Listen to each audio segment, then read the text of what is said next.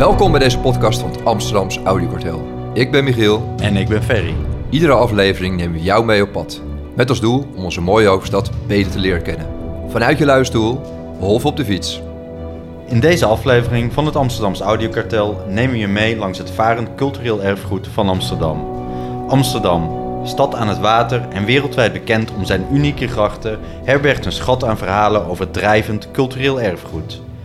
Van typische Amsterdamse vaartuigen als de smokeboot, woonboten en de poezenboot tot het pontveer dat dagelijks 100.000 mensen verbindt tussen Noord en de rest van de stad. Het mokum dat groot is geworden in de Gouden Eeuw door de handel met overzeese gebieden en waar het water vandaag de dag steeds meer gebruikt wordt als recreatief stadsgebied. De kern speelt zich af rond de grachtgordel. Sinds de zomer van 2010 officieel UNESCO Cultureel Werelderfgoed.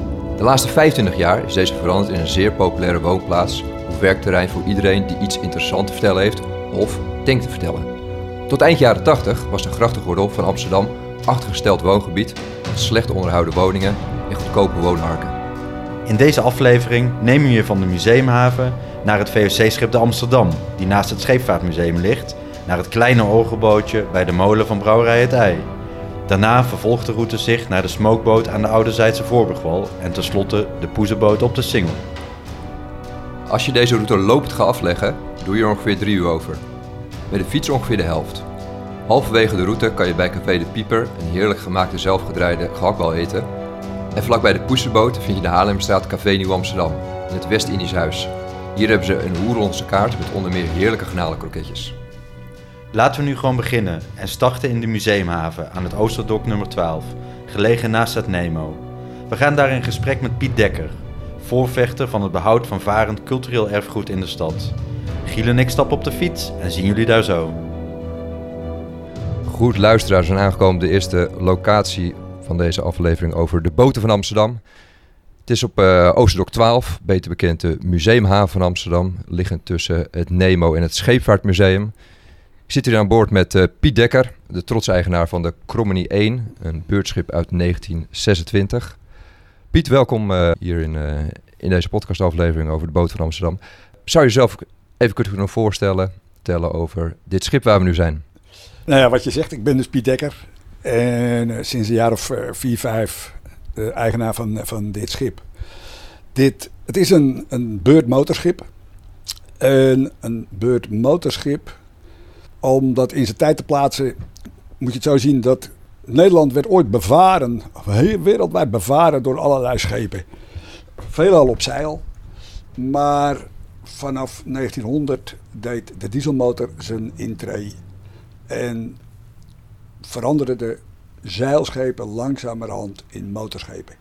Enerzijds werden veel zeilschepen onttuigd. Dat betekent dat de, dat de zeilen, de mast en de zeilen eraf gingen. Maar anderzijds werden er ook motorschepen gebouwd zonder zeilen. En dit is een van die eerste beurtmotorschepen die destijds gebouwd is zonder zeilen. Het was een beurtschip, want er bestond in heel Nederland een ontzettend fijnmazig netwerk van beurtschepen. Schepen die op vaste trajecten, vaste tijden, goederen vee mensen vervoerde. En elk plaatsje in Nederland had wel ergens een plekje waar een stijger lag, waar een schip kon aanmeren. Dus elk plaatsje was in zekere zin ook bereikbaar met een schip. En dat heeft in Nederland voor gigantische economische ontwikkeling gezorgd, ooit, 100 jaar geleden. En uh, tot, in, tot, in, tot 15 jaar terug, zeg maar, tot eind van de jaren 60. Ja, je vertelde net toen ik aan boord kwam dat iets verderop richting Centraal Station, dat daar enorm veel van die beurtschepen iedere dag aanlegden. Je had zelfs over een aantal van 100 aanlegplekken. Ja. Tot wanneer is dat zo geweest, dat het die schepen een grote waarde hadden voor de lokale, maar ook de nationale economie? Ergens voor de oorlog werd het besluit genomen dat transport over de weg efficiënter zou zijn, omdat de, de, de goederen uh, op scherpere tijden en nauwkeurige plekken te, af te leveren zouden zijn. Dus er is het besluit genomen om het vervoer over het water te transformeren naar het vervoer over de weg. En dat betekende dat uh, er heel veel bruggen werden gebouwd, heel veel tunnels werden gebouwd. Uh, en dat betekende ook dat heel veel scheepvaart eigenlijk moest stoppen of kon stoppen omdat het niet meer rendabel was. En dat gebeurde ergens, zeg maar, ja, de, de grote ontwikkeling daarin gebeurde in de jaren 50. Zo kan je dat ongeveer, ongeveer schetsen. Mooi voorbeeld daarvan is dat de Schellingwoudebrug kwam in 1959 klaar. De Koentunnel in 1967 en de Eitunnel in 1969.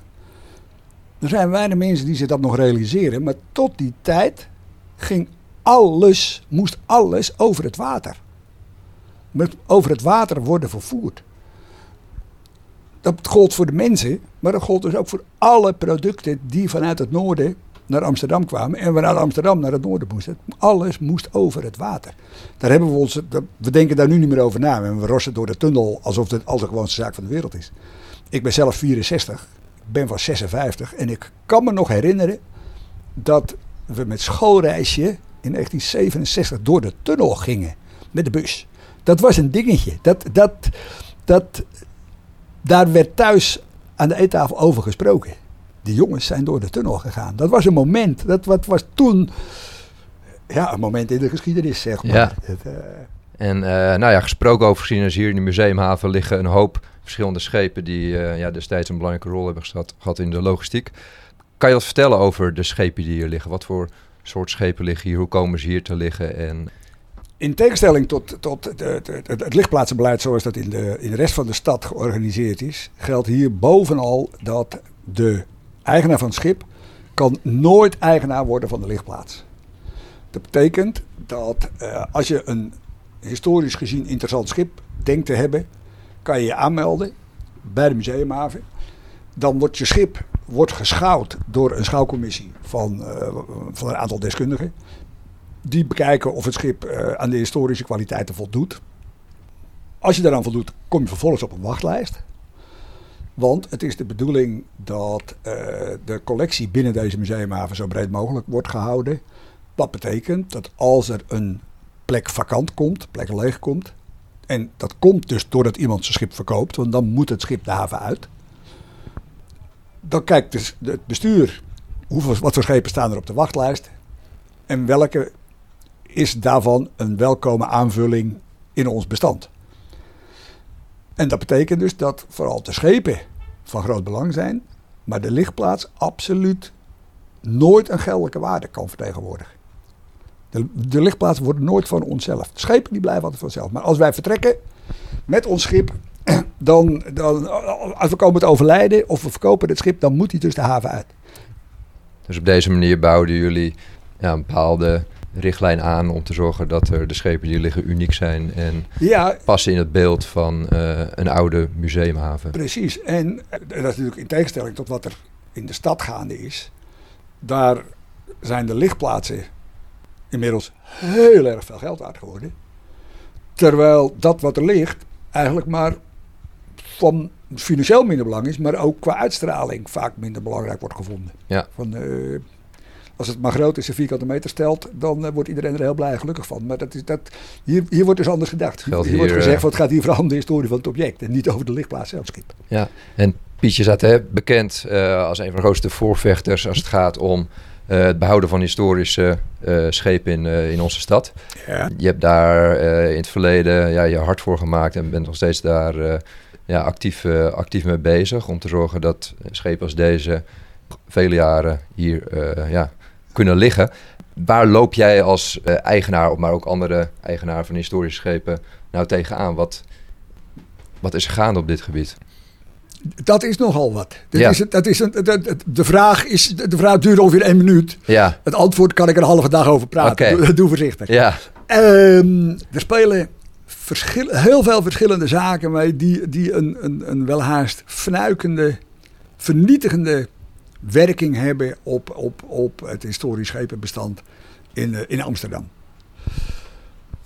Ik, moet daar, ik, wil daar, ik wil dat even proberen samen te vatten in een aantal verschillende, verschillende zaken.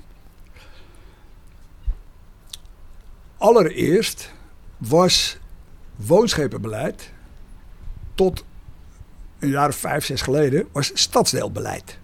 En die stadsdelen waren heel blij dat ze, dat ze ergens over mochten beslissen. Want ze hadden niet al te veel beslissingsruimte. Maar die gingen dat dus met die woonschepen heel goed regelen. dat betekende dat verschillende stadsdelen een verschillend beleid hadden. Dat betekende bijvoorbeeld dat je in Stadsel Zuid, bij de Amstel, mocht je een schip jarenlang probleemloos verarken. Mocht je in plaats van een, een historisch schip, mocht je er ook een ark neerleggen. Want het maakte Stadsel Zuid niet zo heel veel uit. Terwijl aan de overzijde van de Amstel, de Weesperzijde, hadden ze in Stadsel Oost meer, hadden ze een veel strikter historisch schepenbeleid. En moest je een schip toch wel eigenlijk wel een beetje scheepsuitstraling blijven, blijven behouden. Nou, om er even aan te geven, dat, daar, daar is heel veel gedoe Ook nog over binnen de gemeentegrenzen was Daar er... is toen heel veel gedoe over. Ja. Om de puinhoop compleet te maken, was het zelfs zo bizar dat voor de uitvoering van het beleid konden die stadsdelen de deskundigheid van Waternet inhuren. Waternet had pakketten van diensten die ze konden verhuren aan, aan de stadsdelen. Stadsdeel Centrum nam destijds het volledige pakket in handen. Stadsdeel Noord besloot, wij doen niks met Waternet, we doen alles zelf. Stadsdeel Oost besloot de vergunningverlening leggen we bij Waternet. De handhaving doen we zelf. Maar de juridische ondersteuning huren we weer in bij Waternet. Dat, dat kon. Maar dat betekent dus dat er, dat er allerlei verschillende organisaties en, en, en instantietjes met dat beleid bezig moesten. En dan ook nog eens weer apart moesten gaan invullen met diensten van misschien weer andere ambtenaren. Dus dat werd een Enorme bureaucratie. dat werd een verschrikkelijk verhaal. Van de, de konden dingen daar. Dat, dat wil je niet weten wat voor rare verhalen als we destijds bij me hebben meegemaakt. Maar goed. eh, nou, wat, wat, wat, ik, wat ik heel graag zou zien. Is, is, het, is het volgende. In het welstandsbeleid zoals dat thans geldt. En waar men, moet ik het goed zeggen hoor, in, nou, in het jaar 2000 ongeveer in eerste instantie bij Stadsdeel Centrum een eerste aanzet toe hebben gedaan. Dat is later overgenomen door de, door de centrale stad. Eh, zijn de maten van heel strikt en stringent belang. Zeker nu de situatie door die rechtelijke uitspraak in plaats van bij Waternet, en vergunningen bij Waternet, bij Bureau Ruimte en Duurzaamheid, Van het Bureau voor. Ruimtelijke Ordening, Ja. eh, te- terechtgekomen is, zijn die water van nog veel strikter belang geworden. Dan krijg je de bizarre situatie dat mm, eh, er verschijnen nu overal in de stad wat, wat nieuwbouwschepen. Mhm. Dat zijn schepen naar een beetje oud model, maar splinternieuw gebouwd. Hm. Want wat is er aan de hand? Een mooi voorbeeld. Een vriend van mij vervangt een oud scheepje door een nieuwbouwschip. En die zegt, Piet, de schepen van 25 meter zijn op. Daar heeft hij gelijk in. Die schepen zijn gewoon op. Maar de schepen van 24 meter zijn er wel. En die van 26 ook. Er zijn er nog heel veel van. Van 23 ook, van 27 ook. Met heel veel historische kwaliteit. Maar die zijn dan misschien 5 centimeter te breed. Hm. Of inderdaad misschien een metertje te lang. En dan zegt ruimtelijke ordening, zegt ja maar wacht even. Die plek die kan niet groter zijn dan 25 meter. Het is werkelijk zo bizar dat, weer een ander voorbeeld. Iemand wil zijn schip gaan vervangen. En dat zou dus betekenen dat het schip En dat betekent dat schip er worden, niet kan. Dus die- afgezaagd. precies, en, die, en dat gaat die man niet doen. Dat kan die man ook niet. Dan zou je ook de historische kwaliteit van het schip mee vernietigen. Ja, Dus na verloop van tijd gaat die man zeggen: Ik ben hier zo klaar, maar ik laat hem alleen bouwen. klinkt als afschrikbeleid. Precies, en dan kan dus dat oude historische schip kan naar de hoogovens. Hm. Want om hem precies in die maat te krijgen, moet die man een nieuwe laten bouwen. Dus wat ik heel graag zou zien, is dat Bureau Ruimte en Duurzaamheid een deskundigheid zou moeten gaan ontwikkelen ten aanzien van de historische kwaliteit van de schepen. Ja, en echt meer gekeken specifiek naar het schip zelf... in plaats van algemeen beleid geldend voor alle schepen. Juist. En waarom vind je dat zo belangrijk, Piet? Waarom vind je het voortbestaan van het Amsterdamse varend cultureel erfgoed... in onze stad, waarom... eh, Het is een heel, heel mooi voorbeeld. Van, ik, weet ik nog. De, een kennis van me, die woonde op een oud beurtscheepje... wat ooit onder stoom, met een stoommotor had gevaren. Hm. Het zag er uiterlijk eigenlijk nog wel precies zo uit. Er zat, stond geen stoommotor meer in. Die was er, eh, kort na de oorlog hebben ze die eruit gehaald. Eh, er werd al heel lang, het werd al voor de oorlog was het, was het een woonscheepje. En hij heeft dat schip vervangen door een nieuwbouwschip. Hij sprak de woorden, Piet, die schepen werden niet gebouwd voor de eeuwigheid. En ik moest even zeggen, hij, de binnenst, Amsterdamse binnenstad is ook niet gebouwd voor de eeuwigheid. Maar hij staat er nog wel. En hij schetste van, joh, je bouwt tegenwoordig ook schepen om op te wonen. En ik zei tegen hem, misschien moet jij in Almere gaan wonen met jouw schip. Want dat is nieuwbouw. En ik denk dat het leven, en dus ook het leven in de stad, zijn karakter, zijn sfeer, zijn identiteit krijgt door zijn verleden. En daar moeten we zuinig op zijn. Dat moeten we, dat moeten we koesteren. De verhalen, de geschiedenissen, de belevenissen van de stad maken de stad een bepalende identiteit voor ons volk, van ons land. En ik denk dat je daar zuinig op moet zijn. Want als deze ontwikkeling doorgaat, is dus over, over 40 jaar alleen nog maar nieuw gebouwde woonschepen in de stad. En dan doe je dus, ontken je een heel groot gedeelte van je geschiedenis. Ja. Van je wordingsgeschiedenis. En daar moeten we zuinig op zijn. Ja, en we zitten hier op de Cromenie 1, hè, het schip uit 1926. Dus die gaat ook al bijna een eeuwigheid mee. Ja. Je bent zelf eh, al een aantal jaar ja, bezig met de verbouwing van, eh, van dit schip. Hoe gaat zo'n proces in zijn werk? Want Gelukkig kent dat natuurlijk ook eh, in de tijd allerlei ontwikkelingen. Dit schip is in, wat ik net schetste, in ergens 69 stil komen te liggen. Want toen ging al het verkeer over, eh, over, de, over de weg. En eh, transportbedrijf KNAP, die ooit eigenaar was van dit schip, die wist zich in de tijd van, eh, van, van 70, 80 jaar uit te breiden naar 100 vrachtwagens. want waar werd dit schip voor gebruikt, Piet? Voor het transport van vooral, vooral linoleum van de voorbouw. Van de voorbouw Cromenie. Ja, de oude knap had geld gekregen van de eigenaar van de voorbouw om dit schip te laten bouwen, maar kreeg vervolgens ook werk om dat geld weer terug te kunnen verdienen. En eh, ze hebben niet alleen voor de voorbouw gevaren, deden ook andere klussen natuurlijk. Maar daar, daar is het in feite mee, mee, de, start mee begonnen. Ehm, wat ik schetste in 1969 ongeveer, toen, toen de tunnels klaar waren en de, de, de, de firma Knap zich ontwikkeld had richting eh, vrachtwagens, eh, kwam het schip tegen de kant. Heeft eerst een jaar of 10, 15 als werkplaats nog tegen de kant gelegen. Is toen eh, verkocht als woonschip naar de Amstel. En in 2015 heb ik hem daar gekocht, omdat op die plek kwam weer een ander object te liggen. En hoe gaat het in zijn werk? Nou, ik heb het hele interieur als woonschip ik weer uitgesloopt. En ik kwam daar, dat is wel leuk, ik kwam daar eh, isolatie tegen van, ik geloof, anderhalve centimeter piepschuim. Dat vond men kennelijk in de jaren tachtig al, al heel goed geïsoleerd. Inmiddels zijn we natuurlijk veel, vele malen verder en is de kwestie van eh, Andere materialen, de, andere de, diktes. de binnenkant van het schip goed schoonmaken, goed behandelen, goed insmeren met een bepaalde verf die daar speciaal voor gemaakt is. Dan goed isoleren met steenwol, glaswol of schapenwol en dat dan verder netjes aftimmeren. Maar tegelijkertijd ook eh, onze schepen hier in de museumhaven hebben allemaal een watertank. Want we zijn allemaal varende schepen, dus moet je je eigen water mee kunnen nemen.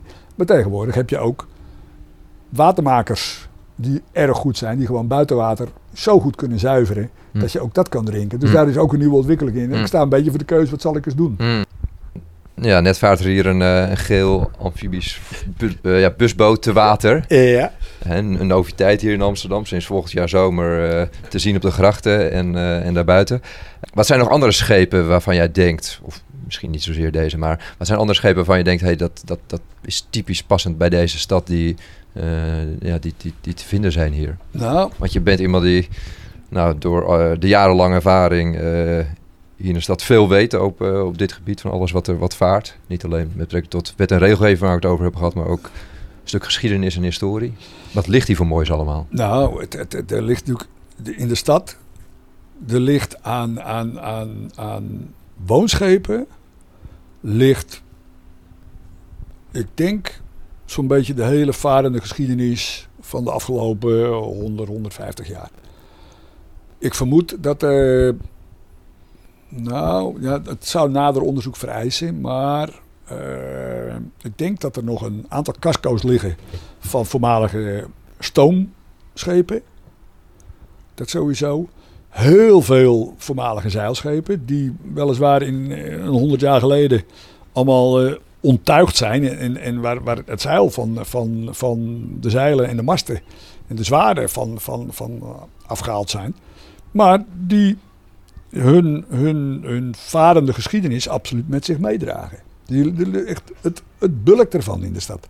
Je moet het alleen wel kunnen zien. Je moet weten, ja, je, moet weten dat ze er zijn en je moet weten waar je op moet letten om ze te herkennen. Dat is absoluut waar. Ja. Maar ik denk dat ook daar zou een mooie taak voor monumentenzorg liggen. Van jongens, een aantal van die schepen zijn gewoon heel bijzonder. Ja, breng in kaart wat er ligt. Breng in kaart wat er ligt en, en ontwikkel daar een behoudsbeleid voor. Ja, ontwikkel daar een behoudsbeleid. Probeer te formuleren waarom je het waardeert. Klopt. Op die, die, die, die plonsbus, zoals die hier, eh, Ja. hier te water gaat. De plonsbus. Ja, zo heet die, de plonsbus. Zo noemen we hem althans. Oké. Eh, ja, het, het is enerzijds noem ik het een aanvulling. Absoluut. Zolang het er eentje is, vind ik het ook prima. Heb je er zelf al een keer in gevaren? Nee, nee, Nee, nee. nee, nee, nee. Als ik gevaar vaar ik wel zelf. Ja, juist. Heb je de plonsbus, plonsbus niet bij nodig? Daar eh, heb ik de natuurlijk. plons niet meer nodig. Maar eh, ja, als al gimmick vind ik het in Amsterdam dus wel, eh, wel een aanvulling. Maar stel je voor dat het er tot 30 zouden zijn. Dat er, dat er alleen maar van dit soort rondvaartboten, rondvaartbusboten door de stad zouden varen. Zouden we ook roepen, dat gaan we niet willen. Mm. Weet je wel? Dus, dus dat, moet je, dat, moet je, daar moet je een limiet aan stellen. Iets voor de toekomst. Ja, daar, dus Ehm, daar, is het laatste woord nog niet over gezegd. Nee, Dat, eh, begrijp ik, dat hoor ik. Even terug naar de, naar de Krommenie 1.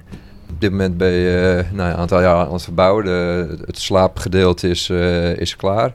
Eh, verder is het ruim nog vrij open en ben je dus bezig met de isolatie aan het aanbrengen. ja. Je vertelde net, eh, vertelde hier, hier dat de verwachting is dat het nog zeker een, een jaar gaat duren voordat, die, Ja. voordat het af is. En dan waarschijnlijk is nog de vraag, want ik ken hier eh, als vriend een, eh, een andere booteigenaar, Volker Meijer. En die Ja. is ook wekelijks nog bezig met een hoop restauratie, onderhoud en dergelijke. Dus eh, de vraag wanneer een boot af is, is eigenlijk niet, niet relevant. Maar het moment gaat er zijn dat hij dat hij klaar is in ieder geval om op, op te wonen. Heb je al nagedacht over hoe dat eruit gaat zien en wat de eerste tocht zal zijn waar je naartoe gaat? Of Oh ja, als een vaste, wij- als vaste plek hier liggen? Ja, maar ik heb er al wel bij gevaren. Het is toch zo, of de, hier, zeker in het museumhaven, je kan gewoon altijd weg. En, Ja. en, en dan laat je de havenmeester weten van, eh, ik, ik ben weg en eh, voor een week of twee weken of drie weken of eh, drie maanden. Er zijn zelfs een schip ligt nu in Zuid-Frankrijk en die had al wel terug zullen zijn, maar ja, de, door de corona kan hij daar niet weg. Dus, maar als je denkt van ik kom maar weer eens terug, dan kan je de havenmeester bellen van ik kom er volgende week kom ik weer terug. Dus dan, dan kan je mijn plekje weer vrijmaken. En dan weet de havenmeester van oh, mm, hij is weg en blijft weg, dus ik kan daar misschien een ander schip ergens anders vandaan, wat ook vaart. En in Amsterdam een paar weken een plekje zoek, kan ik daar neerleggen. Ja, En zo werkt het. En eh, ja, en waar ik bij dit schip allemaal ga belanden, ja, nou, ik, ik wil daar eerst wel heel graag een beetje mee door Nederland tuffen natuurlijk. Want er zijn een hoop museumhavens in het land. En Amsterdam staat bekend als zeer kritisch. De schouwcommissie van Amsterdam staat bekend als zeer kritisch. Wat, wat ook een nadeel is, maar ook het voordeel kent dat je dus in heel veel museumhavens van het land probleemloos terecht kan. En eh, als er plek is althans. En, eh, maar dat is wel een beetje de, de, de droom natuurlijk. Om eh, de, motor te starten en eh, door Nederland te tuffen. ja. Ja. Nou, niet afsluitend eh, hè, over deze droom waar je al lang eh, voor aan het bouwen bent. En eh, nou, het resultaat mag er al zijn. Dus mocht je in het museumhaven zelf langskomen, eh, zoek even naar de Krommenie 1. En ja, wellicht tegen die tijd dat de bouw weer wat verder is. En wellicht over nog langere tijd zul je hem ook zien varen op het ei, het wijde water op. Piet, bedankt voor, voor het gesprek. Ja, succes met alles wat er eh, op het pad van dit, eh, van dit mooie schip komt. Hé, hey, dankjewel. Stad Amsterdam, waar de zeeën mallen, tot de nachtmerrie schallen, over oud Amsterdam. In de stad Amsterdam, waar de zeeën donken, als een wimpel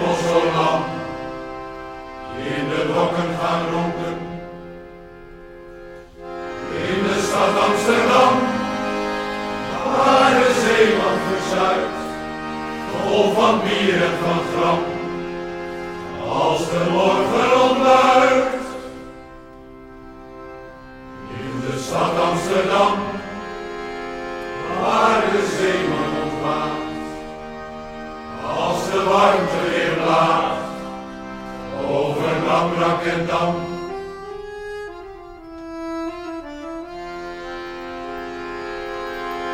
In de stad Amsterdam,